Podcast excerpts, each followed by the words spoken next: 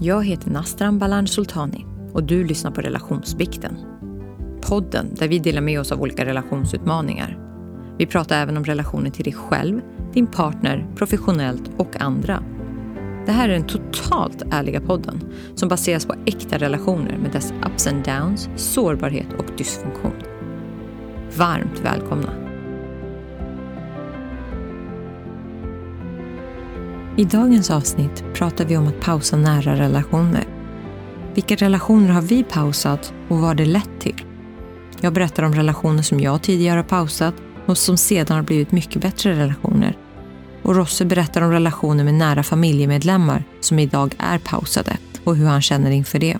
Vi går in på när vi anser att vi behöver pausa en relation, våra olika sätt att hantera det på och hur gränssättning och acceptans kan hjälpa.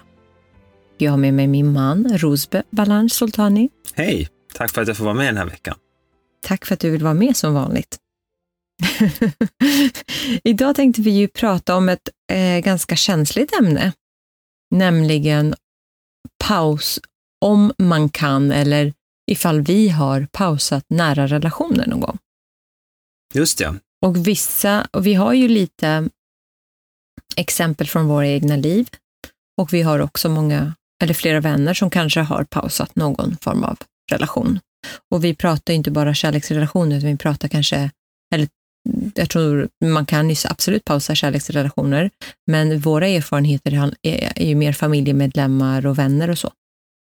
En paus i kärleksrelation har jag inte så mycket erfarenhet av. Nej. Det har oftast varit att jag, när jag var ung, pausade någon relation för att jag inte gjorde slut än och inte vågade göra slut. Mm. Men då pratar vi, alltså, jag var 18. Något Mm. sånt. Då har jag pausat en relation. Uh, och kanske också när jag var typ i 20. Men alltså, det är inte det vi pratar om främst, utan det är att pausa vänrelationer eller pausa familjerelationer. Det är väl det vi pratar främst om Mm. idag. Ja, men precis. Och eh, om vi går in lite på varför du har pausat relationer då. Nu går vi rakt på här. När tycker du att man bör pausa en relation? Mer så då? Jag tänker så här, jag har jobbat mycket med mina värderingar, livsprinciper, vad, vad jag tycker att jag står för och vad jag vill överföra till mina barn, till våra barn Mm. och vem jag faktiskt vill dela livet med, med dig också då. Så att eh, det är när någon trampar på de här värderingarna och mina principer som jag ändå har valt eller fått lite nedärvda eller kulturellt ärvda eller familjeärvda. De goda delarna i alla fall. Men sen också skapat själv, tagit till mig nya saker själv. Mm. De de blir trampade på gång efter gång efter gång och jag säger ifrån. Mm. Och jag känner så här att eh, de här principerna i sig är väldigt goda. De gör gott för mig och andra. Men eh, jag får ingen gehör. Uh, och sen handlar det också om hur mycket jag orkar. Uh, hur mycket tålamod jag har för tillfället också. Så nu när vi har två små barn så kan jag känna så här. Jag har inte lika mycket ork, tid, tålamod, energi över för att bli trampad på så än vad jag hade varit annars. Alla har inte jobbat med sig själva eller vet om sina värderingar, och principer. Jag har massa relationer där folk inte är så som jag tycker att jag är då medveten. Jag tycker ju själv att jag är det, men det tycker väl alla att de är i någon grad. Jag har också investerat mycket tid och pengar i det, men vad jag vill komma fram till är Uh, jag, jag, har, jag är väldigt tolerant annars, men när det kommer till väldigt nära relationer som har sett mig utvecklas eller sett mig resa, om de fortsätter vara prövande för mig och jag har två små barn som behöver att de behöver få mitt tålamod. Då, då, då, det- funkar liksom inte. Och då kanske jag förklarar det här på 70 olika sätt. Att det, det kostar för mycket. Vår relation kostar mig så mycket och den, det här, den här energiförlusten behöver mina barn få ta del eller egentligen borde mina barn få den här energin. För de är små och fattar ingenting, men du är ju vuxen. Du fattar ju. Du pratar om principer. De principer. Kan du nämna några av dina principer som du, eller vad du menar med det? Ja, alltså, ja, alltså det finns de här grundläggande värderingarna. Vi har pratat om det tidigare, att man får ju en massa värderingar precis av sina föräldrar. Som att vara ärlig eller stjäl inte eller lite alltså sådana slags principer som man också till viss del kanske till och med de som tränar bort det och livet är det som tränar bort det. Det kulturella, det, eh, samhället är med och tränar bort det, allt medan man växer upp.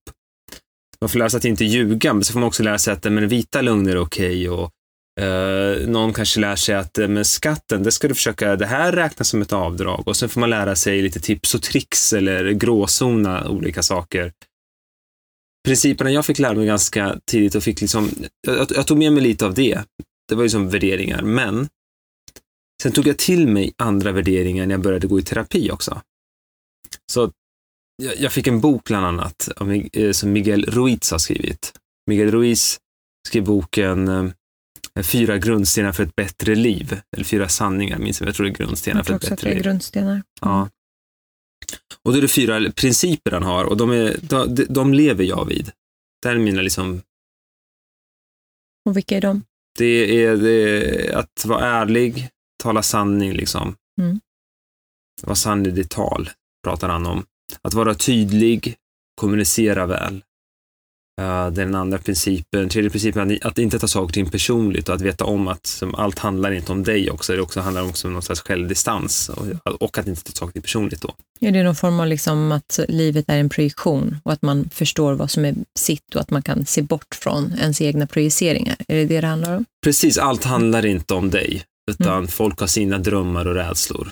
Så mm. det handlar inte om dig när folk säger någonting. Så det är väl det som är att inte ta saker och ting personligt. Det är väl tredje principen då. Och sen fjärde är eh, att, in, att alltid göra sitt bästa. Och den ser jag som att det handlar om respekt, självrespekt och respekt mot andra. För har du gjort ditt bästa så kan du alltid gå med huvudet högt och säga, ja, men jag gjorde mitt bästa och det, det kan jag sova gott på. Men också att, om att, också att liksom veta om att alla förmodligen alltid gör det bästa de kan i den situationen. Så det är också en fin förståelse för andra. Mm. Men vad jag vill komma fram till är att när jag lever för, med, de här principerna och förklarar dem också, speciellt om jag är liksom i, är i brytpunkten med någon. Det vill jag, jag vill verkligen säga, nej men nu, nu, har jag fått, nu, nu, har det gått för långt och nu har jag förklarat det på många sätt. Och då kan jag liksom gå igenom de här, kanske blir det lite teoretiskt, men, och jag känner att vår, då kan jag säga att det här är mina principer. Och jag känner att vårt förhållande funkar inte med de här principerna. Um, det kostar mig otroligt mycket att gå tillbaka till den jag var innan jag liksom tog till mig de här principerna. Så, så, så det skulle jag säga är mina principer. Mm. Vad tänker du själv? Jag tänker att om någonting gör, om en relation gör att man inte mår bra, av olika anledningar egentligen, eh, så kanske den är värd att utvärderas. Eh, och jag tänker att det kan handla om olika saker. Dels ens värderingar, att det, det strider mot ens värderingar på något sätt. Jag tänker också att den kanske får en att själv bete sig på ett sätt som man inte vill. Som jag var inne på kring, till exempel kring min nätstörning. Om en, person, om en person har ett missbruk eller ett beteende som får mig att vara på ett sätt som jag inte vill, ja men då, och jag inte kan ta avstånd från det på ett bra sätt, då är den värd att eh, pausas för min del. Ehm, jag tänker också att det är så lätt att ha, eh, speciellt relationer som man har haft sedan man, när man var yngre, både inom familjen men också kanske vänner, som, där man har varit på ett sätt. Eh, och man har en roll och trivs man inte med den rollen och kommer inte ur den rollen, trots att man försöker så kanske man behöver en paus för att man ska kunna sätta en ny person gentemot varandra. Eh, och ibland tror jag då att det behövs en paus. Um, så jag skulle säga, och sen så liksom om, och sen är det ju så här självklara saker som att, men om man inte blir respekterad eller ja, allmänt att den, in, att den tar mer energi än vad den ger. Och, och jag menar, alla relationer kan ju ibland ta mer energi. Om det är en nära vän eller familjemedlem som inte mår bra tillfälligt, så tar det mer energi. Men det handlar väl om mer om liksom långsiktigt, om, den, om det alltid är så att den tar mycket energi eller att en människa är väldigt negativ och suger musten ur en eller ser är väldigt stort offer alltid till exempel. Um, ja, jag skulle nog säga det. Och, och också liksom om man gång på gång försöker sätta gränser. Säg nu till exempel att jag vet att jag inte mår bra av någonting som en person gör och sen så försöker jag sätta gränser mot den personen och de gränserna inte respekteras. Och om jag har satt dem om och om igen och det fortsättningsvis inte respekteras, ja men då för sitt eget bästa kanske man måste dra en gräns och en större gräns som är att jag behöver pausa en relation. Um, Vad kan det vara för någonting till exempel? Du säger att någon som kanske går över gränsen. Vad kan det vara för något? Nej, men jag skulle säga till exempel... Alltså för dig, vad kan det vara? Um, nej, men nu, nu, nu, nu, jag tänker så här, från egen erfarenhet så skulle det väl vara att um, um, om man till exempel växer upp, eller till exempel om någon ehm, är väldigt orolig av sig och lägger över, eller till exempel i en medberoende relation. Det behöver inte bara vara mot en alkoholist eller så, men om jag är medberoende i en relation eh, och någon person spelar på skam och skuld hela tiden mot mig eh, och fortsätter göra det eller lägger över sin oro mot mig och liksom vill att jag ska ta ett ansvar som inte är mitt till exempel och fortsätter göra det och liksom fortsätter ringa, fortsätter lägga över det här på mig, fortsätter vara den här neurotiska, oroliga personen och vill lägga saker på mig att lösa hela tiden. Eh, om det till exempel skulle ha varit min roll i familjen eller i en vänskapskrets och jag förklarar att det här mår inte jag bra av och jag är inte villig att ta den här rollen. Om det inte respekteras eh, så skulle jag säga det. Sen, eh, då, då skulle det vara så. Sen har jag, jag har ju erfarenheter av att jag har ju pausat, jag pausade ju en relation eh, till en familjemedlem när jag var yngre för att den relationen var väldigt destruktiv. Den mådde inte någon av oss bra av, tror jag, men den påverkade mig på ett sätt som också var, det var våldsamt. Och jag kände att eh, det här kan inte fortsätta och jag, jag, trots att jag inte var, alltså jag, trots att jag upplevde att jag inte var stark då eller liksom hade bra självkänsla så förstod jag i alla fall att jag förtjänade bättre än så. Och då sa jag liksom att om det här händer igen så kommer jag aldrig mer prata med dig. Och så hände den incidenten igen och jag pausade den relationen. I två år så pratade inte jag med den här personen, trots att vi sågs dagligen. I liksom, eh, men jag valde att inte prata med den personen. Och i början så eh, förändrades inte den här personen, men med tiden så mognade hen. Eh, vi blev båda äldre och då insåg att nej, men jag vill ju ha den här mig i, mitt liv, i sitt liv. Och valde då att faktiskt förändras och liksom be om ursäkt till mig. Och sen fick vi en jättebra relation efter det. Och där hade jag satt en otroligt tydlig gräns och det, det, den händelsen inträffade ju aldrig efter det. För den förstod att gör jag det så har jag inte Nastran i mitt liv. Eh, sen har jag också pausat en relation med en vän en gång i tiden, där jag kände att det var inte på lika villkor. Jag kände att den här personen var mer egoistisk. Jag kände att det var eh, Alltså det här var min uppfattning, att, eh, att min kompis var mer egoistisk och att jag fick ge och ge och ge eh, och den bara tog. Så upplevde jag vår relation. Jag, det betyder inte att det var sanningen, men så upplevde jag den och jag mådde inte så bra över den. Och jag kände inte heller att jag kunde vara fullt mig själv och jag kände inte att jag kunde vara ärlig. Och ärlighet är en sak som jag värdesätter väldigt högt i mina relationer och, och speciellt mina vänskapsrelationer. Kan jag inte vara ärlig med personen, då känner jag inte att vi står varandra speciellt nära och då är det för mig en oärlig relation. Alltså hela relationen är fejk då. Och då, det här var eh, liksom i slutet på tonåren, då valde jag att pausa en väldigt nära vän. Um, och det gjorde att vi hade, liksom, det var, gick från att prata varje dag till att inte prata speciellt ofta. Hördes någon gång då och då. Um, men det här är ju en person som jag idag har tillbaka i mitt liv. Som jag, som vi kom tillbaka, vi fick var, kom varandra nära igen i, liksom för några år sedan. När vi gick igenom massa saker och uh, idag tycker jag att det är en fantastisk person som jag är väldigt tacksam över att ha i min, mitt liv. Så sådana typer, sådana exempel har jag i mitt liv. Och utav de anledningarna valde jag att pausa. Av de anledningarna? Mm. Mm. Så våldsamhet i ett fall och oärlighet i ett annat fall, om jag bara tar de här två det var ju Mm. sagt mycket mer än så i båda fallen, men Mm. som de, de exemplen du tog där. Mm. Så ena, ena var en handling och den andra var mer som en mer värdering som utmynnade sig i kanske också handlingar, oärliga handlingar kan jag tänka mig. Mm. Men jag skulle Mm. säga att det, båda handlar det om någon form av att det går över en gräns. Jag värdesatte mig själv högre. Jag, satt, jag förstod att det här, var inte, det här är inte ett okej sätt att bete sig mot mig. Ehm, så jag satte gränsen av den anledningen. Sen oavsett om det var oärlighet eller om det var våld, så um, var det utav samma grundprincip, eller vad man ska säga. Mhm. Eh, sen har jag en annan eh, vänskapsrelation där vi också har pausat, och den är väl pausad nu skulle jag väl säga, eller pausad eller pausad, men där jag insåg att men, vi lever inte efter samma värderingar och därför blev den väldigt oärlig. Och eh, för mig var det tydligt efter att jag började gå i terapi och så, att jag kände att men vi pratar ju faktiskt inte om riktiga saker, för att vi kan inte prata om ett visst ämne som är väldigt, väldigt stort och centralt i ditt liv. Eh, I, I den personens liv. precis. Ja. Och Och vad jag, det för ämne?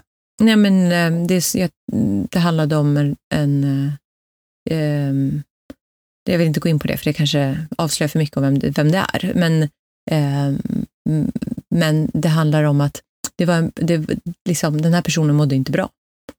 Och eh, för mig som jobbar jättehårt på att hela tiden försöka vara mitt bästa, eh, utvecklas, möta mina rädslor, så var det väldigt svårt att sitt, stå bredvid och se den här personen må så dåligt över någonting som hen inte ville förändra.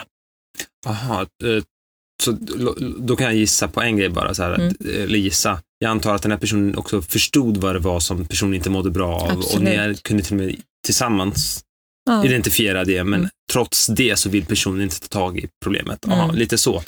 Okej, så, så, så det, Och för mig För- handlade det ja. inte så mycket om att jag pausade den relationen, utan jag bara uttryckte att det här upp, ansåg jag var ett problem. Den personen uppfattade det som att jag pausade relationen. Så, men, eh, är ja. du okej med det? Ja, för jag tror inte att vi... Jag, jag tror att... Eh, som sagt, ärlighet är en väldigt viktig grej i, min, i, i mina relationer och jag tror inte att vi skulle kunna vara ärlig, ärliga om inte den här personen faktiskt vill bemöta det här. Nej. Ja, det blir väldigt luddigt, men ja. Just det. Mm. Okej. Men har Um, du- Var det så att du blev triggad av det här då? Att du hade liksom, av, Både- den, av den personens eh, liv alltså? Eh, både ja och nej. Alltså det här var ju, eh, jag vet inte hur mycket jag ska gå in på den här relationen, men, men den personen uppfattade jag eh, mådde ganska dåligt över det här och pratade om det ganska ofta. Mhm. Men, men, och då stå bredvid och höra de här sakerna om och om igen i så många års tid eh, utan att någonting händer. Till slut finns det, tänker jag att, eller för mig var det det. Och det handlade inte speciellt om det, men jag kände bara att det var en sak som gjorde att vår relation var inte så djup. Och när jag förklarade det, att vi, vi står inte varandra så nära för att vi, jag lever efter de här principerna och du lever inte efter samma principer. Så vår relation är inte speciellt ärlig. Då tog hen det väldigt personligt. Alltså då, då blev hen ganska sårad. Ja, du förklarade det. Så på, på sätt och vis så satte du lite gräns då? Ja, för det handlade mer, det handlade inte så mycket om den här incidenten, att den här personen inte ville förändra det. Det handlade mer om att vi levde inte efter samma principer. Nej. Vi levde inte, och man behöver inte vara exakt likadan, och man behöver inte tycka sak, exakt likadant om saker och ting. Men det tog för mycket energi från mig och jag upplevde inte att vi stod varandra så nära som hen tyckte att vi gjorde. Ehm, Skulle något kunna få dig att liksom närma dig den här personen igen då? Skulle, för vi pratar om att pausa relationer och inte avsluta relationer idag egentligen. För menar, nej, för man vet ju inte om man har avslutat. Man kan ju alltid, jag menar, fast det är väl in någon intention. När jag tänker pausa, då tänker jag så här, den här personen vill jag gärna ska förändras och vill ha tillbaka i mitt liv, tänker jag. mm, För mig är det en paus. Sen finns det folk jag vill avsluta med och då, kan, då, och, och, och då kunde jag inte bry mig mindre. Jag tänker då får det antingen rinna ut i sanden och då bryr jag mig inte. Mm, Och sen så gör det det och sen pratar vi aldrig mer och det är lugnt. mm, Eller så avslutar jag det tydligt och det kan vara till och med en kärleksrelation man avslutar och säger nu är vi färdiga. Och sen Ja. är vi färdiga. Men om jag, en paus för mig, det är ju någon som jag faktiskt skulle gärna vilja se förändras. Jag vill ha tillbaks personen. Mm. Eller så kanske jag förändras så att, så, någon, att, att, att vi hittar tillbaks till varandra i alla fall. Ja. För annars är det ingen paus. Är det här en paus skulle du säga? Ehm, eller är det här en avslutad relation? Vad är intentionen? Finns det någon, vad skiljer du på det? Alltså för mig har det ju aldrig varit en aktiv paus. Jag har ju bara förklarat vad jag, vad jag tyckte och den personen har tolkat det och dragit sig undan och tolkat det som en paus. Eh, Så för mig var det aldrig någon paus. Det var mer att jag satte så här, men, men det, här, det här är ju vad vi är. Mm. Vi kan inte låtsas vara någonting annat. Och jag hade fortsatt, gärna fortsatt träffas på de villkoren. Men den personen tolkar det som det. Så jag vet inte riktigt. Men jag tror att de andra relationerna som jag pausade eller avslutade var nog, liksom, det var hårda gränssättningar. Där jag kände att jag behöver bort. Liksom. Men sen hittade vi tillbaka till varandra och då menar jag på att då blev det ju en paus. Men hade det inte varit det, då hade det varit fine också. Då hade det ju varit ett avslut. Okej, så då hade det varit avslut. Mm. Ja. Och hur, hur tänker du där? Du har, ju, har du några pausade eller avslutade relationer? Hur ser du på det?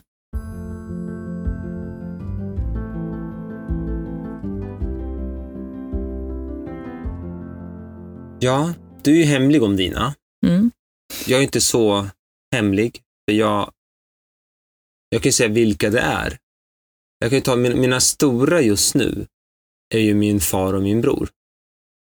Där Mm. vi har en, som ju, vad jag vet, så långt jag vet, så är det, pausade relationer, inte avslutade relationer. Ehm, för dem, det är därför jag skiljer på det. Så jag vill, jag vill ju tillbaks, jag vill ha tillbaks dem i mitt liv, båda två. Men det får inte vara på det sättet som vi hade det. det, var, det jag kunde inte ta det. Och just nu skulle jag inte heller orka ha det som vi hade det. Så jag kan inte ta vid det vi slutade. Utan det måste vara någon slags förändring i vår relation för att, för att vi ska kunna träffas. Jag och de behöver förändras, förmodligen. Mm. Um, för mig kanske handlar om mer tålamod, skulle jag nog säga. Mm. Jag orkar inte just nu möta dem. På samma sätt så, så här, en del av grejerna de, jag vill att de skulle förändras på. Jag har relationer där folk beter sig som de gör. Men det, men, men det gör inte lika mycket för mig Mm. att de andra gör det. För det inte, jag älskar inte de här andra. Jag Mm. inte hur jag ska beskriva Jag tycker om de här andra personerna. Du blir inte lika sårad. Jag blir inte lika sårad, jag blir inte lika triggad. Mm. Uh, och det är det som blir så svårt. Det är mycket, det kan bli lite whataboutism. Som, men de gör ju så här, kan du vara kompis med dem kan det bli, liksom, kan du liksom umgås med dem? Så, ja men, ett, att träffa de här andra människorna som jag umgås med som beter sig ungefär lika. All, inget är lika. Uh, allt är, all, alla människor är olika och alla situationer är olika förstås. Men där kan jag känna så här, ja, men den här personen triggar inte mig, det är inte min bror. Det här är en Mm. vän eller en bekant som jag inte umgås lika mycket med. Så du har högre krav på din bror och din far än vad du har på de andra personerna? Jag det krav om? på min, min, mig, alltså min relation till dem, ja. Inte Mm. på de personerna. Ja, men, ja, på sätt och vis blir det att jag har högre krav, ja, absolut. Men, men, men inte på dem som människor, utan det kanske blir så här. Jag gör vad jag kan för vår relation, så jag tar tag i mina issues på alla möjliga sätt. Jag investerar jättemycket tid och energi att liksom bli en bättre människa. Och när jag säger så här, mm, jag känner att de kanske inte gjorde det på samma sätt och att vi lever kvar i samma den dåliga delen som vi hade förut var så onödig. Vi Mm. borde ju utvecklas vidare, så det var lite så. Och då kunde jag ta upp de här sakerna och säga att det här får ju, nu får det vara slut på det här. Då kände jag att jag inte fick något gensvar. Mm. Men återigen, jag vill inte gå in på liksom exakta, vad, exakt vad det var och så, för det tycker, vi tycker ju olika tydligen. Och de har ju sin version. Skulle de sitta och prata någonstans eh, så skulle de kanske säga att det var tvärtom egentligen. Mm. Och det får jag, det både respekterar jag, för det kan man ju tycka. Det, kan man, det får man ju tycka. Och jag säger återigen att jag behöver ju också förändras i så fall. Och just nu orkar jag inte. För jag har två små barn. Och jag Mm. orkar inte. Och all, all, min, all min energi för folk som beter sig eh, på, det, alltså på, på ett sätt som jag inte pallar med. Vilket våra barn gör ofta, för de är små barn. Mm. Det måste de få.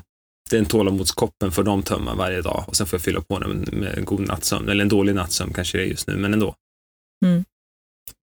Då vill jag hellre att min far och bror ger mig energi än att det kostar mig. Och det kostar mig energi. Så får man säga. Och eh, har du aktivt pausat dem? Eller liksom, jag bara tänker, Ja, båda fått typ, typ kan man säga ultimatum det... Mm, om att jag vill ha det på ett visst sätt eller så, så är vi lite färdiga. Mm, okej. Min far bröt med mig mer när jag ställde ultimatumet, så helt plötsligt så kunde jag inte få tag i honom. Mm, okej. Så det var liksom inget som ni kom överens om, utan Nej, en dag så gick jag inte få tag i honom mer. Och han hörde aldrig av sig igen. Jag- Fast jag försökte. och hur känns det? Det gjorde väldigt ont i början. Nu gör det inte så ont längre. Mm. Jag har funnit en acceptans kring det. Ehm, men det är som sagt, jag vill ju ha tillbaks min far, men jag kan men jag, jag, just nu klarar jag inte av att ta tillbaka honom som han var då. Mm. Så. Jag behöver att det förändras, eller så måste jag klara av det. Så antingen måste di- din acceptans förändras, Ja, du måste ja, börja acceptera ja vad, det är, vad som är, precis. eller så måste han förändras för Precis. att kunna leverera på det du inte kunde acceptera tidigare. Exakt så. Så jag Mm. ser det som att jag, jag kan också, jag, återigen, det är alltid två sidor av ett mynt. Det är Mm. aldrig jag som har rätt eller någon som, det är ingen som har rätt egentligen. Mm. Det finns vissa av de här principerna jag nämnde förut. De kände jag väl inte var så hedrade i vår relation. Mm. Men vem har, alltså, vem har alla de här principerna intakta och hedrar dem hela tiden? Och vem som än säger att de gör det, gör ju sin version av dem, såklart, som jag gör. Ja, det kanske inte handlar så mycket om rätt eller fel, utan det handlar väl mer om vad man klarar av, eller vad man mår bra av. Ja, och just nu klarar jag inte av det. Snarare tvärtom, Mm. jag skulle gärna vilja haft mer stöd än vad jag fick och jag kände att det kostade mig istället och då blev jag så här, nej men jag, just nu orkar jag inte att det kostar mig. Så det handlar väldigt mycket om att jag själv satte gräns för mig och förklarade att jag, jag klarar inte av det här just nu. Mm. För ni två är dessutom så viktiga i mitt liv så jag blir, jag blir inte bara besviken, jag blir också ledsen och arg och det kommer så mycket annat. För just er två skulle jag vilja att ni liksom var stöd istället för kostnader, energislukare eller vad man ska nu kalla det. Eh, Jag, har, jag använder inte till att, Mm. att de slukar min energi, det är jag som ger energi i så fall. Men jag orkade inte ge mer i alla fall. Mm. För jag menar, nu Mm. har ju du två små barn och de är inte en del av ditt liv. Barnen är en del av mitt liv, men inte de två. Nej, Nej, nej exakt. precis. ja, men- Barnen är, så det betyder ju att de också inte är en del av barnens liv. Nej, och det, det är ju tyvärr en, en väldigt negativ side effect. Eller är det det? Det är det jag inte vet. Jag tror inte det är en negativ side Det är en side effect. Eh, en bieffekt av det. Att eh, barnen inte har farbror och farfar i sitt liv. De har ju inte ens träffat min son. Mm. Din är- bror såg ju honom på begravningen. Men... Just ja, just ja. Min styvfar gick bort så vi träffades där. Mm. Ja, men jag tänker på det ibland. Att de missar det här. De är i Salorens ja. Ja. Mm. Och Lulu frågar ju ganska ofta efter farfar. Mm. Varför finns inte han i hennes liv? Ja, för vi, när vi läser en bok liksom om folks farfar, vi läser ju Mm. jättemycket böcker hemma. Varje gång, och det, det går inte att komma ifrån att det är morfar och farfar och mormor och Mm. farmor och och då saknas alltid farfar liksom i hennes liv. Hon har liksom aldrig, hon har, någon bild, hon har bilder med honom. Men eh, hon vet om hur han ser ut, men sen vet hon inte så mycket mer. Hon har liksom ingen, hon har ingen koll. Så hon kan säga ibland att vi borde åka till Uppsala och hälsa på farfar. Men nu vet hon ju om att jag sa att eh, vi, de är arga på pappa, sa jag. Det är så Mm. jag förklarat det. Vi, vi är inte vänner just nu. Så det är så jag sagt det mer. Vi är inte vänner. Mm. Um, så just nu är vi inte överens. Mm. Det kommer, jag, men jag har sagt så här, någon gång blir vi vänner har jag sagt. Det är väl så jag tänker om det. Så det kostade dig, det gick emot dina principer, det kostade mer än vad, det, vad du orkade med och de ville egentligen inte gå med på de förändringarna du önskade. Precis.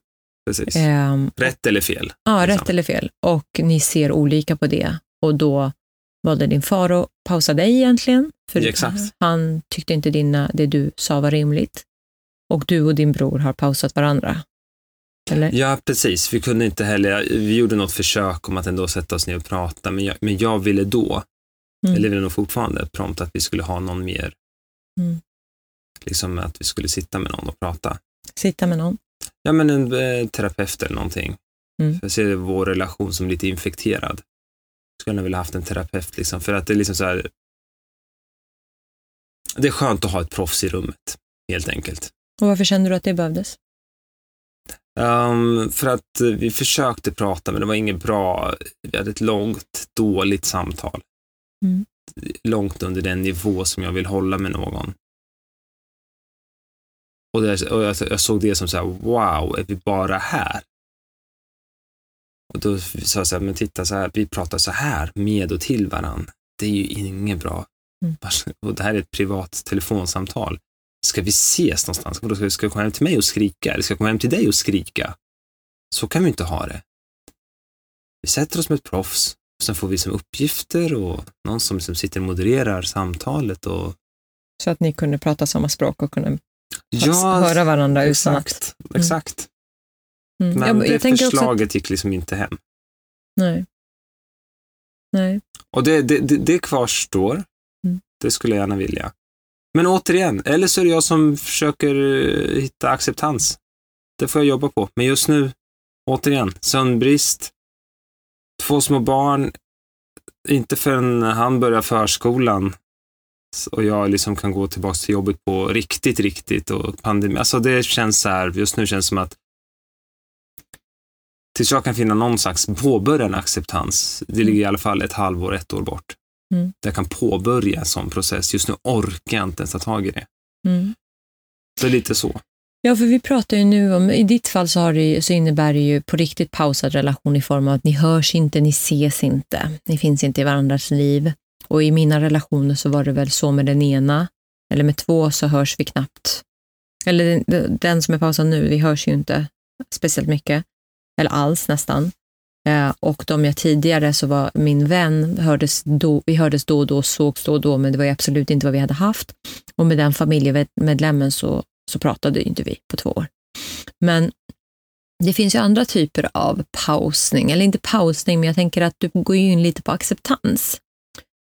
Eh, när jag gick min terapeutisk, alltså när jag gjorde min resa, så förändrades ju jag mycket. Det var ju mycket som kom upp till ytan kring vad jag har påverkats av.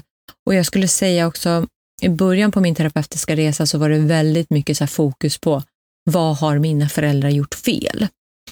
Um, och jag tror att många kan känna igen sig, för det är så lätt att titta på sina föräldrar och säga så här, ni gjorde så här, därför blev jag så här. Därför har jag blivit så här. Och uh, jag tror att det är en del av processen om man behöver kanske det. Eh, men det, det, det gjorde ju att mycket kom upp till ytan. Jag insåg ju att jag mådde dåligt över en massa saker.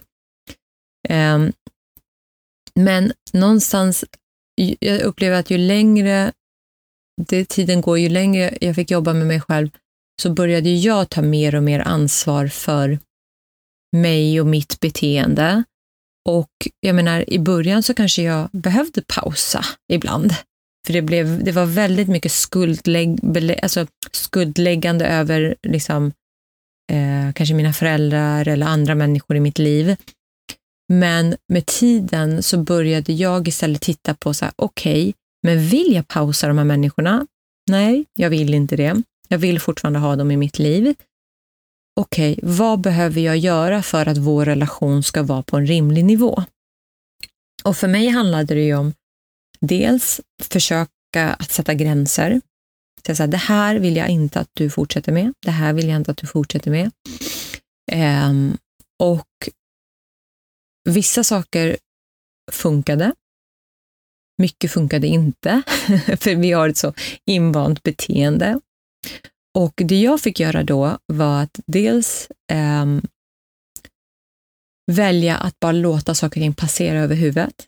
Så när en kommentar kom eller när någonting kom så var det bara att säga, ja, ah, okej, okay, mm, mm, visst, visst.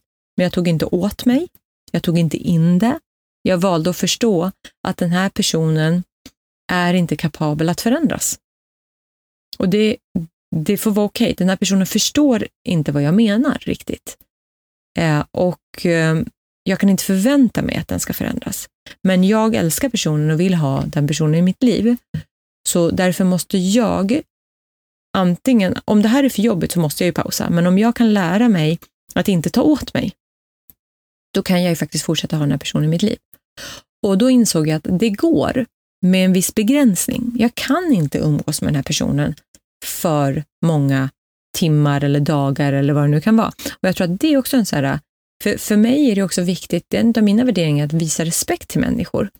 Och jag känner att om jag umgås med vissa personer över en viss tid, då faller min respekt. För då går jag tillbaka i gamla mönster. Vi går tillbaka till gamla mönster och jag blir den här upp, alltså liksom revolter, revol, vad heter det, revolterande ungdomen eller tonåringen igen. Och den personen vill inte jag vara. Eh, så för mig har ju min gränssättning har ju blivit lite kring hur vi umgås. Jag tänker så här, ska, må, behöver man umgås alltid one-on-one on one, eller blir det bättre om man är fler personer? Eller blir det bättre när man är ensamma? Alltså man kan titta på sådana saker. Eh, kan man umgås i x timmar ut, utan att man går över den här gränsen? Eller eh, är det som så att vi kan umgås en dag eller två dagar? Eller vad, vad går gränserna? Och att man liksom identifierar de sakerna också, för det fick jag göra lite grann. Och nu vet jag att ja, men, de här personerna kan jag umgås med under de här premisserna. Ett, då är jag på ett sätt som är okej, okay, enligt mig. Men, men går vi över det här, då blir jag en person som jag inte tycker om att vara. Och jag tycker inte att den här personen förtjänar den nastaren. För jag blir inte en trevlig nastare mot den personen. Så jag tänker att det finns ju det finns ju definitivt att pausa relationer. Sen finns det, som vi var inne på lite, som du var inne på, det här med acceptans eller som jag tänker att sätta upp regler eller sätta upp eh, omständigheter eller villkor som gör att den här relationen fortfarande kan fungera. Eh, som jag har fått jobba ganska mycket med, för annars hade jag nog behövt pausa fler relationer. Men jag har fått anamma de här grejerna och det funkar för mig i vissa relationer. Okej, okay, så du har lite, vad som kallar lite coping-mekanismer men du, också, du utgår också ifrån respekten för den andra personen, om att få träffa den bästa versionen av dig. Och det funkar inte alltid. Jag är inte alltid den bästa Nej. versionen av mig. Men jag vet att går jag över de här eh, liksom tydliga signalerna för mig själv eller liksom gränserna så vet jag att jag kommer vara en hemsk person. För att då går jag in i gamla mönster och gamla roller, som jag, en gammal roll som inte jag vill ha. Pre-therapy. Ja, alltså inte pre-therapy. Jag tänker bara en, liksom, skojade, ja. en dysfunktionell relation som vi har. Som har skapats när vi var yngre och genom alla åren. Och, och den, är, den sitter där liksom. Ja, ja, eh, och det där. blir väldigt mm. mycket skuldbeläggande, det blir mycket... Eh, det blir inte speciellt respektfullt med andra ord. Det är helt enkelt. Nej. Nej, men jag tänker så här, vi har ju, alltså, från att man börjar minnas vid tre, fyra års ålder typ, jag började gå i terapi när jag var 32. Så du har haft typ 30 år nästan av ett sätt. Mm. Som jag kan minnas ungefär. typ. Mm. Och detsamma med dig ungefär. Mm. Uh, sen att jag tror att treårsterapi och mm. tolvstegsprogram löser det. Så är det ju absolut inte, utan det är klart lätt att halka tillbaka. Mm. Men vet du vad jag hör nu? Det är första gången det här, den här poletten kanske trillar ner, om det är en polett som ska trilla ner. Om, men det här, något jag provtrycker nu. Mm. Jag hör ju någonstans att vi pratar om vårt ego.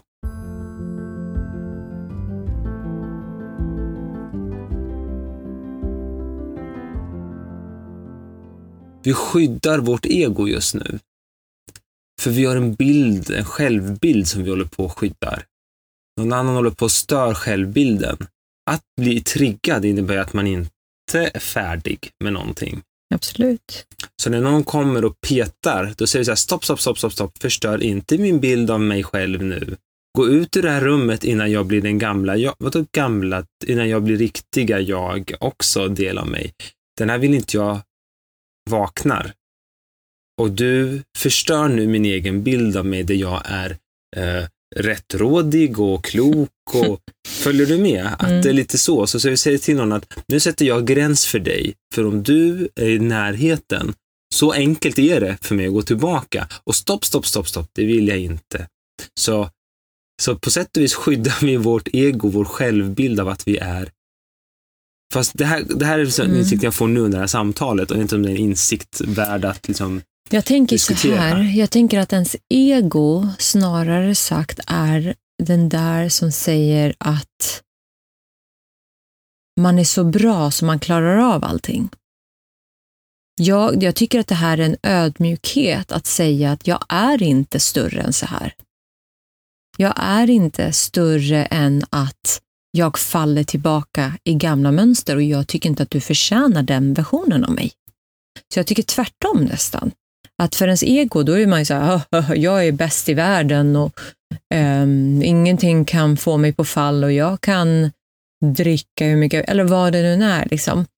Jag tycker tvärtom att det här är att säga så här, det här är vem jag vill vara, för det här är de värderingar jag står för, det här är vad jag tycker är respektfullt, det här är vad jag tycker är kärleksfullt.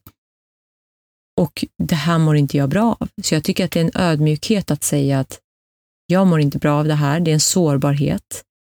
Um, och att också kunna se var går gränserna mot vad jag tycker är okej att behandla en annan människa. För om jag inte kan acceptera, för det här handlar ju om att jag kan inte acceptera de här beteendena fullt ut. Och kan inte jag acceptera, för jag har inte kommit längre i mig själv. Därför kan jag inte acceptera, därför kan jag inte vara så kärleksfull. Men för att göra det bästa av situationen så måste jag sätta gränser på hur vi umgås eller hur mycket tid vi lägger på att umgås, hur länge vi kan umgås i sträck, för att då vet jag att jag fortfarande kan bete mig respektfullt. Men därefter så går det inte. Så jag tycker nästan tvärtom, att det handlar inte om att man att det är att eh, fallera en bild av vårt ego, utan tvärtom att inse att egot är där och att jag måste göra vad jag kan för att försöka vara den sårbara och ödmjuka personen. Eh, För annars så kan egot lätt ta över, tänker jag. Så jag tänker nästan att det är tvärtom. mm. ja, ja. Jag, jag, jag håller med, men jag, jag tänker att eh, om man, det, det är just det jag säger, att det där du beskrev nu, Mm. är det egot som pratar.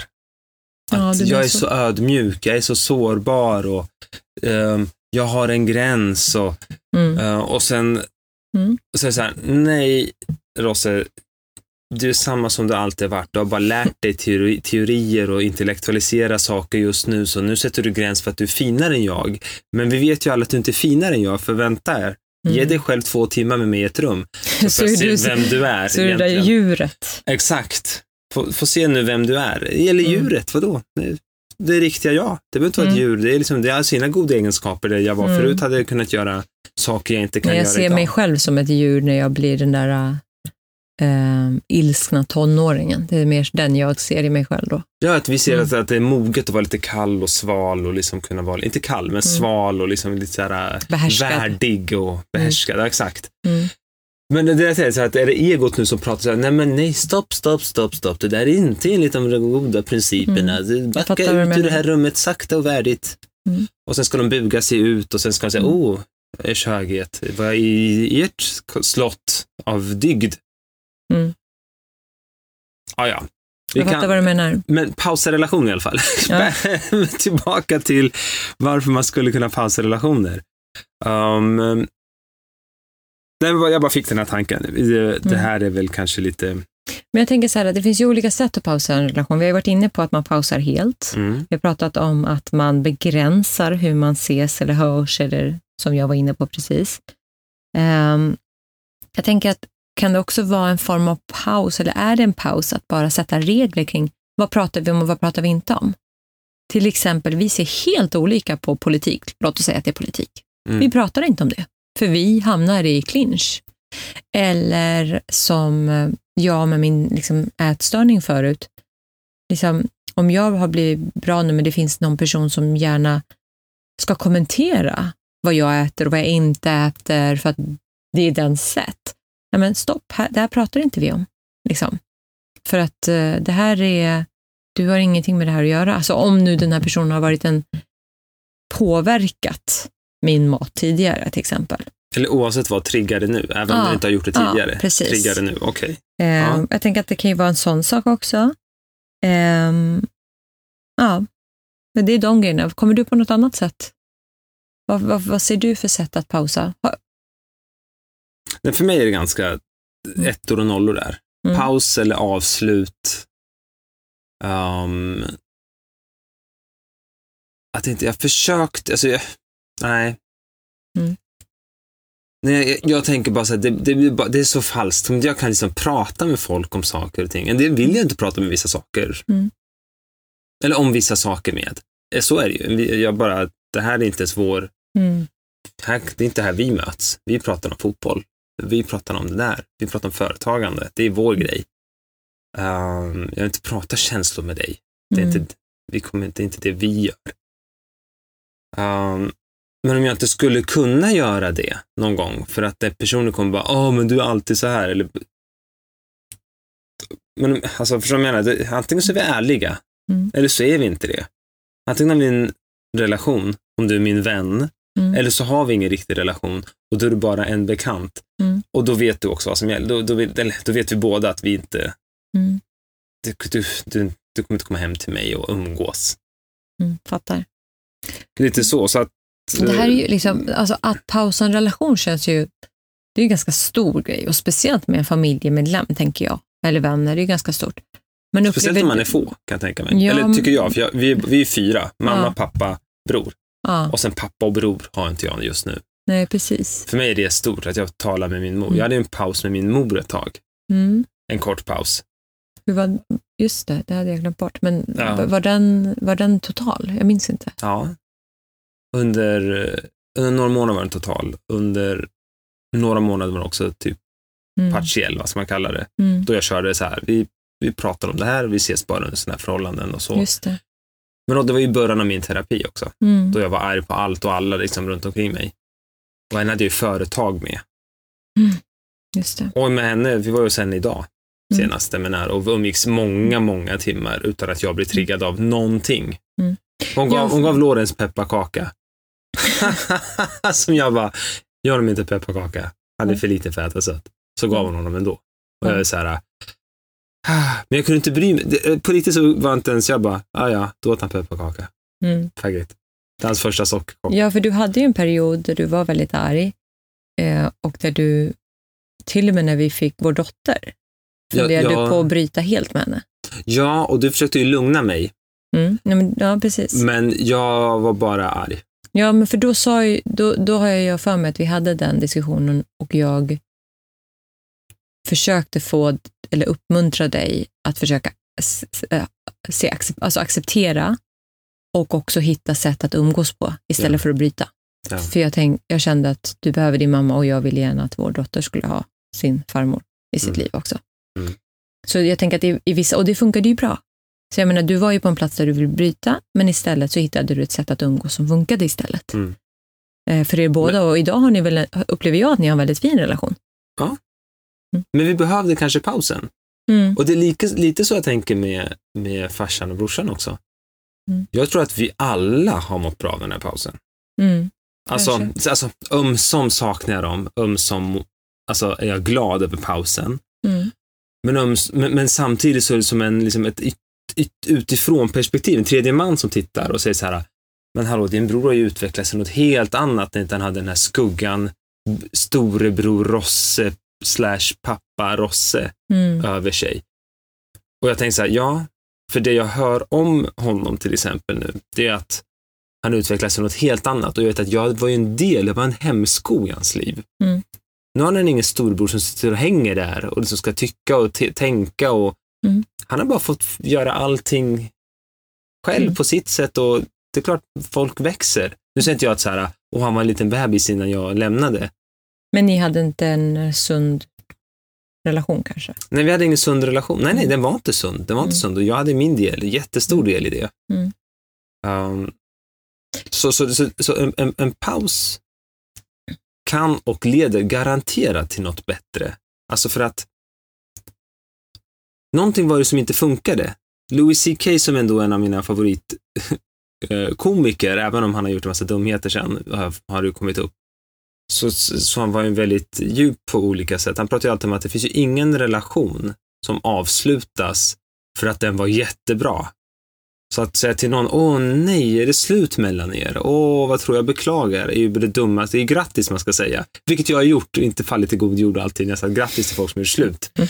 Eller skilt sig eller så. Jag kanske har gjort det lite för tidigt. Mm. Um, men, men, med det sagt så är det ändå så här, ja, var det bra, då, då blir det ingen paus. Men var det inte bra, då är det en paus. Och då är det, det it's a good thing, eller?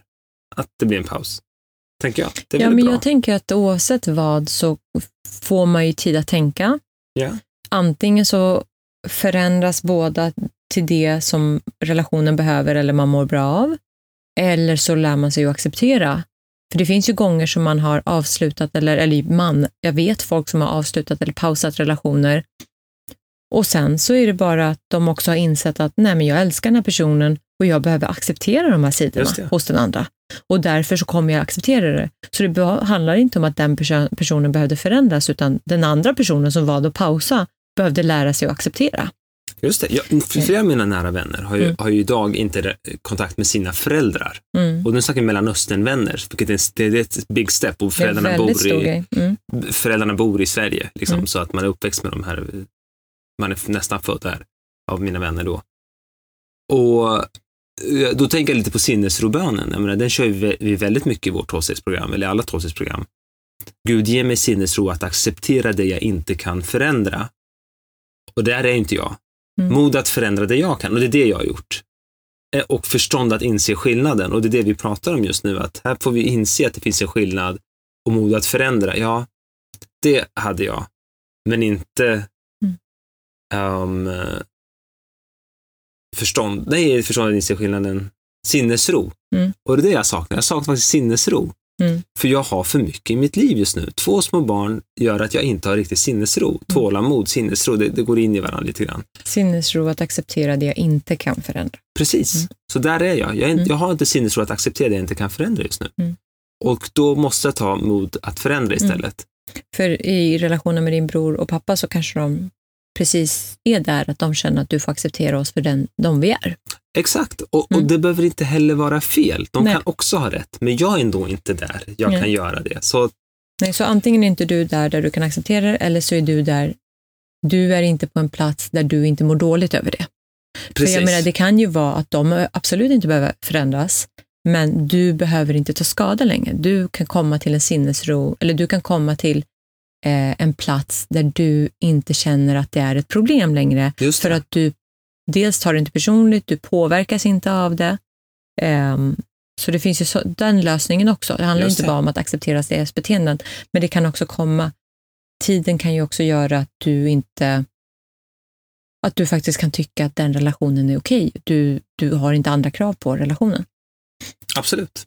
Det jag finner en acceptans, ja. Mm. Absolut. Nej, men, och, och det är det jag säger, det är för att säga att någon, vi måste ju mötas. Så Mm. antingen går jag över hela planen, till, in på deras planhalva, ända fram till liksom deras, där de står. Mm. Eller så gör de det hela vägen. Eller så möts vi någonstans på mitten. Mm. Och kan vi inte mötas på mitten så kanske jag går hela vägen till slut. Och sen är det där vi är. Eller så får de gå hela vägen till slut. Mm. Någon, så någonstans kommer vi mötas. Därför tänker jag det som en paus. Ja. Annars hade jag sagt att den här sporten är jag färdig med. Jag är Mm. fär, jag är, den här planen kommer jag aldrig beträda. Jag är färdig. Och sen är jag borta. Men jag ser det inte Mm. så. Och de här vännerna som du har som har pausat relationen med sina föräldrar, vad, vad har det handlat om då? Alltså du behöver inte gå in på Ja, detaljer, nej, men Nej, men det har varit, det har varit jag säga exakt samma saker. Så det är samma saker. Mm. I slutändan handlar det om principer och värderingar. Den ena liksom har, eh, jag, jag kan ju berätta det, så jag behöver inte berätta några namn, men den ena, har- hennes föräldrar har liksom all, aldrig varit riktigt stöttande. Mm. Han är en jättefin människa.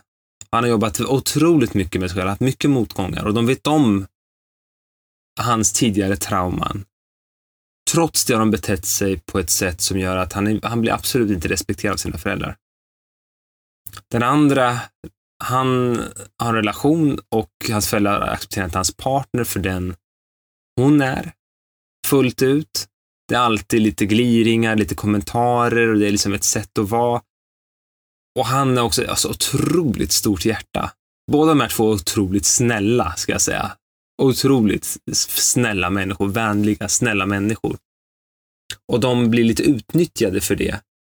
Uh, eller de, den, den egenskapen hos dem har blivit liksom tagen för given. Inte utnyttjad, men tagen för given.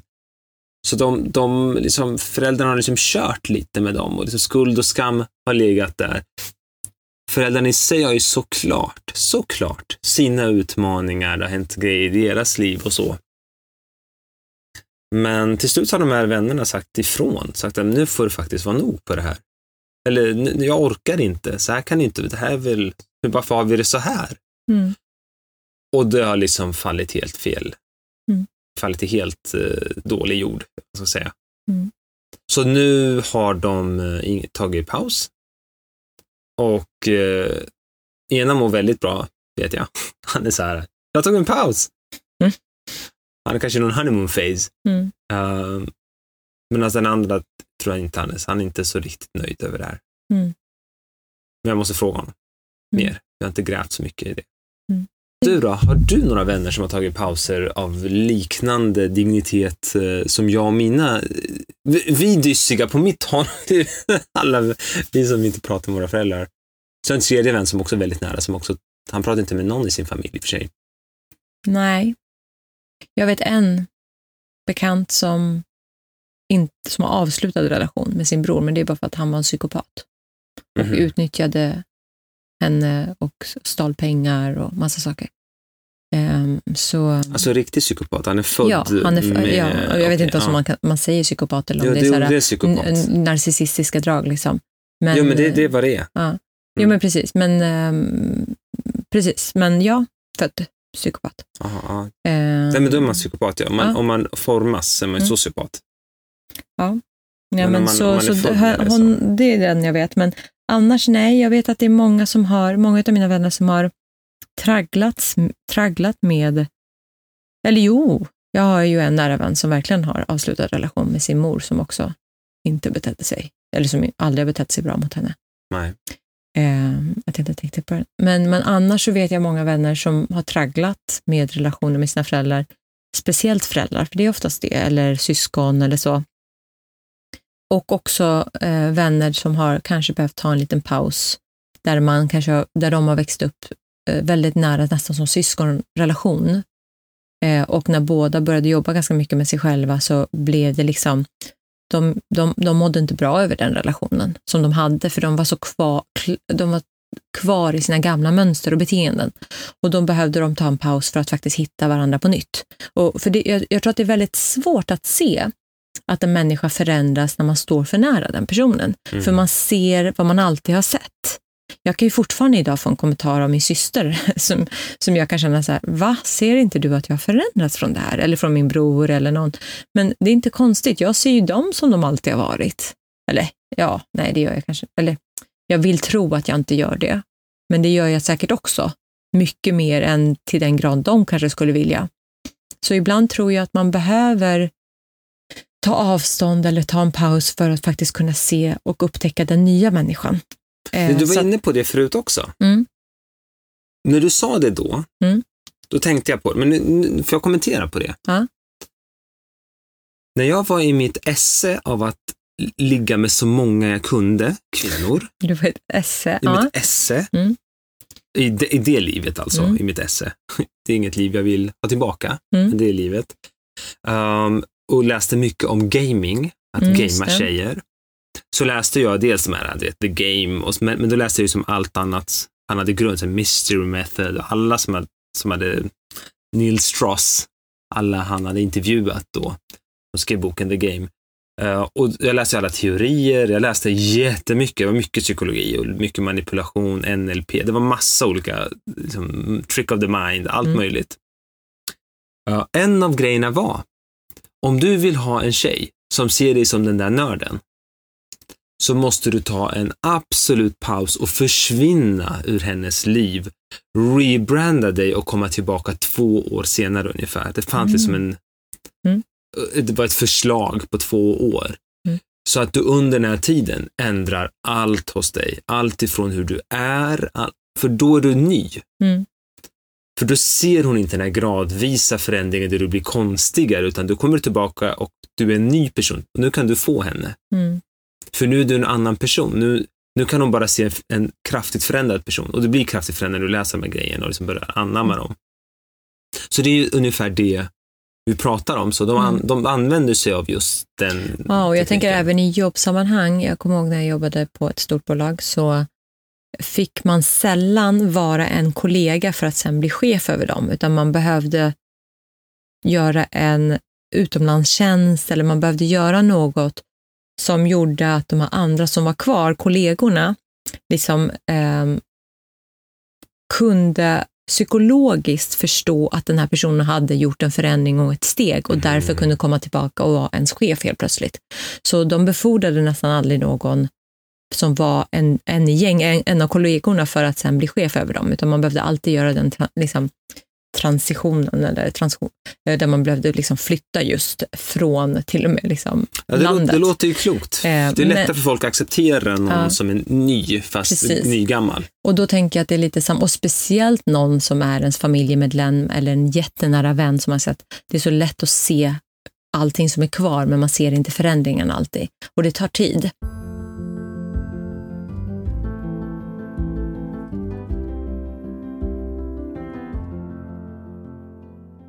Nej, men jag tänker så här också, att någonting som har varit, om vi går tillbaka till, jag vet inte ens om jag ska säga det här, men jag tänker att i, dina, i relationen med din pappa och din bror, eh, det som har varit lite jobbigt för min del, eh, har ju varit, och, och nu kanske det är mitt ego som snackar, tänker jag, men det har ju varit att jag har känt att de tror att pausen kommer från mig.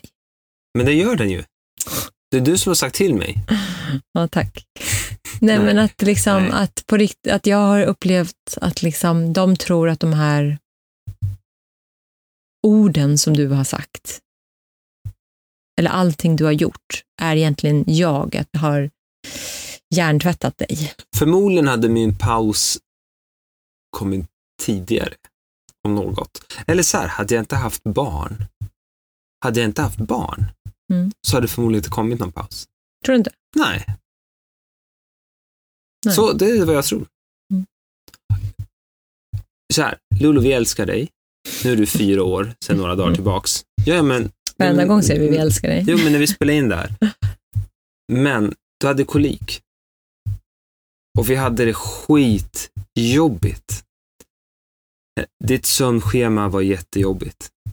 Det var så tajt för att vi skulle veta, ha någon slags kontroll över vårt liv.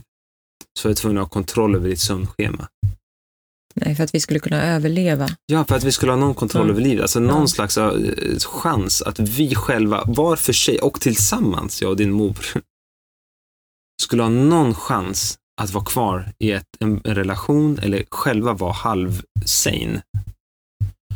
Så hade vi extrem koll på ditt sömnschema för att få ihop livet överhuvudtaget. Och då kunde jag känna så här, finns det någon förståelse för min oflexibilitet att kunna åka till exempel till Uppsala? Eller att jag behövde ha min bror nära? Eller att jag behövde alltså, att, att de var närmare och kom och hjälpte till istället, istället för att kanske skuldbelägga eller så, som jag kanske kände, eller Mm. inte vara så närvarande och hjälpa till. Eller att, alltså Mm. att, och det är så här, shit, vad jag behövde. Och jag sa det flera gånger, jag, sa, jag behöver det här och nu har ni chansen. Och jag kan inte komma dit och jag kan, jag, det, jag, jag, jag vågar inte för att får hon rubbad sömn så får vi ett helvete antingen på natten eller samma dag eller samma timme som, som sömnen rubbas. Det var så, jag vet inte, det var ju så det var. Det var jätte, Mm. jätte, jätte, och så är det inte alls med Lorenz. Det är lättare, han är lättare på det sättet i alla fall. Mm. Um, och hade det inte varit för det så hade jag nog inte haft en paus med dem. Mm. För det hade inte jag behövt. Det hade inte varit lika triggad. Jag hade inte behövt dem. De kunde vara de de är. Vem, så vem bryr sig? Så hur mycket umgås jag egentligen med? Jag hade umgås lite mindre med dem, eller som du sa. Mm. Det, det räcker med fem timmar där, eller sova över en gång där, eller någonting.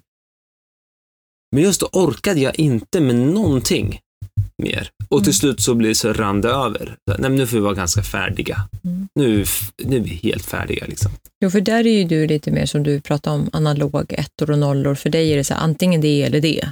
Ja, Medan, precis. jag menar, jag har ju valt en mer, ja, det har ju valt en annan väg med mina närstående. Mm. Där jag liksom har jobbat mer med hur ska vi kunna umgås för att det här ska vara på ett bra sätt? Eller vad kan jag acceptera? Vad kan jag förändras i? Och så vidare.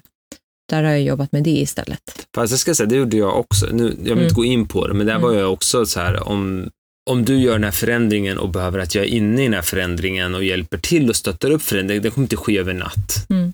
Men om du är där, jag kan vara där, ehm, då är jag med dig hela vägen. Mm. Men du måste veta att du har en plan för den, som Mm. jag sa till en ena då. Mm. Men då, vill jag vara, då, då är jag med dig.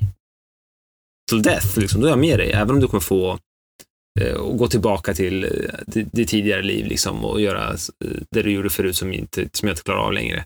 Mm.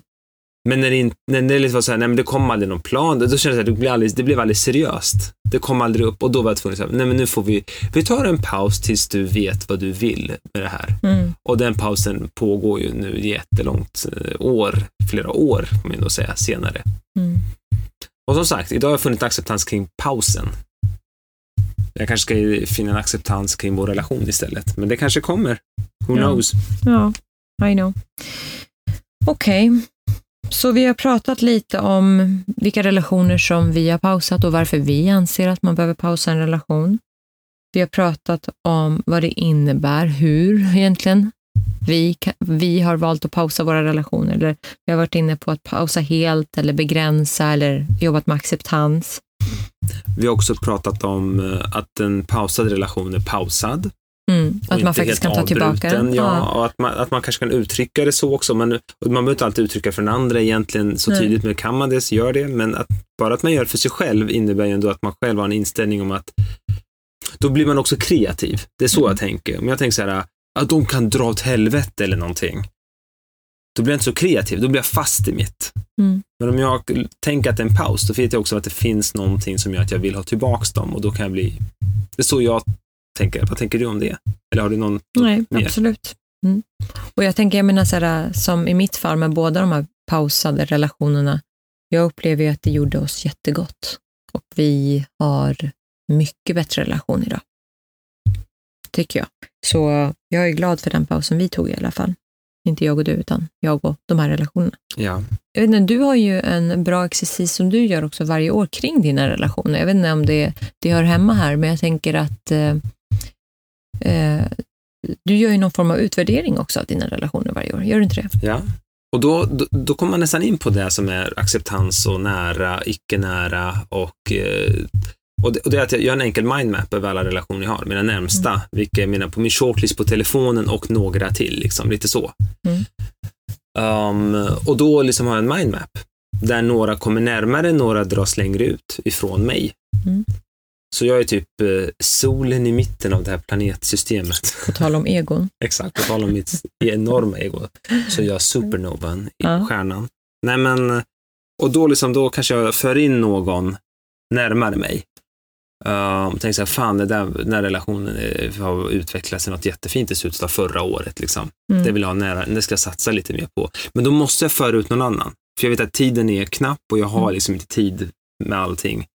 Med alla relationer hela tiden. Så att jag försöker ändå liksom se mina egna begränsningar. Och det gör jag. Och det, gjorde, det var otroligt viktigt första, andra, tredje året i min terapi. Nu gör inte det lika, nu, nu händer det inte lika mycket. Jag gör det, jag har gjort det i år också.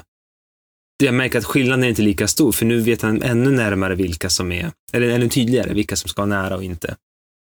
Men det var en otroligt bra övning för mig. Och vad baserar du dem? Vad Det är det, på vad är det för kriterier? Men det var så enkla grejer som värderingar, vad jag blir triggad av, vilka människor som jag bör ha nära mig som kanske kan uh, alltid få så lära mig något nytt och alltså, som jag liksom trivs med. Allt ifrån det, men det kunde också vara så här, har vi samma värderingar? Mm. Är det här en person som, eh, nu tar jag något extremt, så här, är det här en person som är ständigt otrogen mot sin tjej eller sin kille? Ja, det, det kan jag inte ha i mitt liv. Eh, det måste jag först föra ut långt och se om det händer någonting med mognad eller så. Och sen ännu längre ut och sen kanske pop, försvinner den här personen ur det här, det här solsystemet, eller vad man ska kalla det, om man fortfarande ser det som ett så pla- planeter, därför jag ser det som, det är massa Mm. runda cirklar i det. Så då försvinner den här iväg. Då är de borta liksom bara. Och sen slutar vi höras.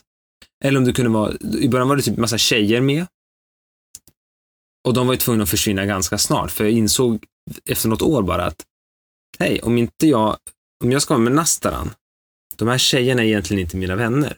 jag har någonstans varit lite sugen på något sätt eller så har det varit någonting, de har varit sugna. Det har funnits någonting men aldrig någonting. Vi är bara vänner men inte bara vänner.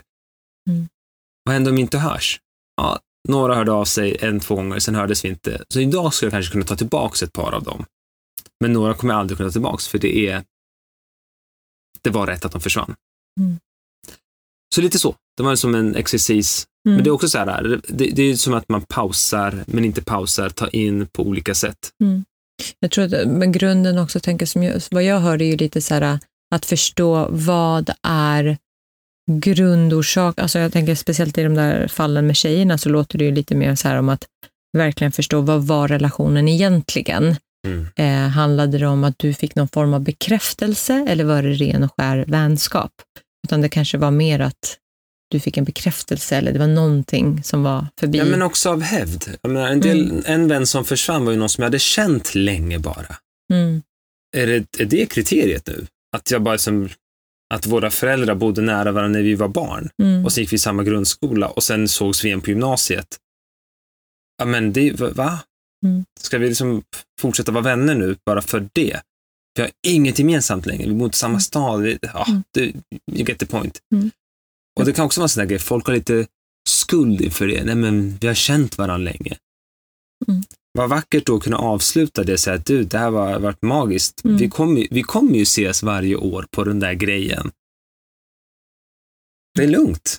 I still like you, Mm. men det, det är den där grejen vi gör. Mm. Det kommer inte vara så mycket mer. Och att säga det till sig själv först och sen om man behöver uttrycka det ens. Det är inte Ja, säkert. är man inte lika som person, är man inte så att man har så himla kul ihop eller man, man gläds inte av, ens, av varandras vänskap, varför ska man hålla på och insistera på att vara vänner bara för att man har varit vänner länge? Nej, precis. Någonstans så är tiden är så dyrbar.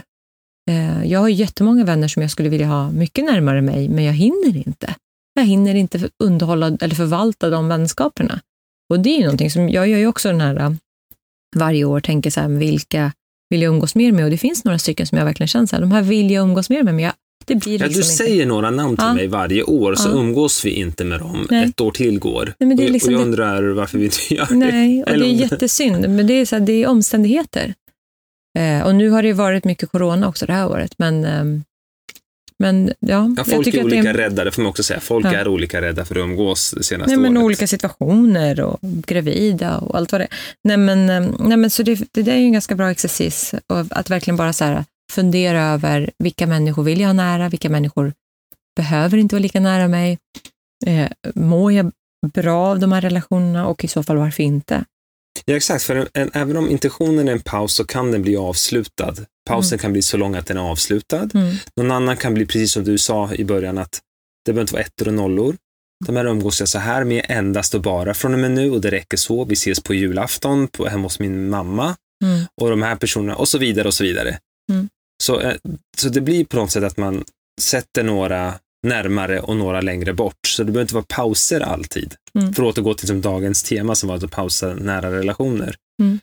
Uh, och lite också så här, vi vill ju prata om det här ämnet idag för att vi sa att vi skulle prata om olika relationer. Och vi har ju pratat om mycket om parrelationer, kärleksrelationer har vi gjort. När vi har utgått Um, från oss, ja. Det De tidigare relation, Precis. avsnitten. Ja. Sen hade vi Gurgin som Mm. pratade väldigt mycket om relationen till både ägandet, eh, att älska flera, vara med flera. Uh, och idag vill vi verkligen prata om så här nära relationer, mycket familj blev det idag och Ja, vänner. Ja. Um, så vi vill ändå liksom lyfta andra relationer. Uh, och snart kommer det komma in lite gäster och det ska bli jättespännande. Mm. Men det om några avsnitt. Nästa Yes. eller om två, tre kanske. Mm. Ja. Vi får se. Vi får vi se. har några Ja, stycken. några på gång. Det ska Ja. bli kul. Tack så Superkul. mycket för att jag fick vara med idag.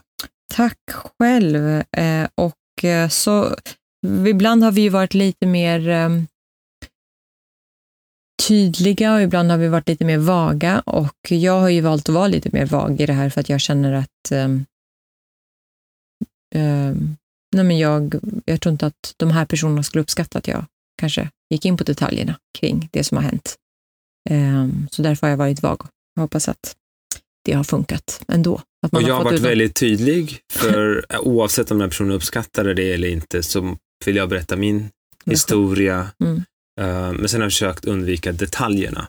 Ja, För att det är, inte, det är inte fair. Yes. Så tack så jättemycket för idag. Tack. Ehm, hoppas ni får en fin dag. Vi hörs snart igen. Ha det fint. Hej då. Hej då, tack för idag.